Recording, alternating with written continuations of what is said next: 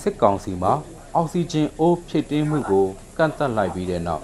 ရန်ကုန်မြို့တွင်တရက်အတွင်းကိုဗစ်လူနာ900ကျော်သေဆုံးခဲ့ပါတယ်။သေဆုံးသူအများစုဟာစေယုံတင်ဖို့လိုက်ရှာနေရင်လူနာတင်ကားတွေပေါ်မှာအောက်ဆီဂျင်မလုံလောက်မှုတွေကြောင့်သေဆုံးသူကပိုများတယ်လို့ လူနာတင်ကားမောင်းသူတို့ကအခုလိုပြောပါတယ်ဒီပုံမှန်အသက်ကြီးတက်တဲ့လူနာတွေဆိုလို့ရှိရင်တော့ဘယ်စင်းမှလက်မခံဘူး။လက်မခံတော့အကေကောင်းပါအပြင်ဟိုကတော့ဝဲပါထားပါတော့။တင်းရုံနဲ့ပတ်နေရတဲ့လူနာတွေကကောင်းပါဆုံးတာများ။စစ်ကောင်စီအနေနဲ့လူထုကိုအကြမ်းဖက်ဖို့ကိုယ်တာလှုပ်ဆောင်နေပြီး COVID-19 ရောဂါကာကွယ်ကုသရေးတွေမှာအားနည်းနေတယ်လို့လူငယ်တဦးကသုံးသပ်ထားပါတယ်။ အကြမ်းဖက်စစ်တပ်ကဒီနေရာမှာအာပြည်သူတွေကိုပြစ်ခတ်ဖမ်းဆီးတပ်ဖြတ်နေတာတပ်ဖြတ်နေတာကဒါလားစ조사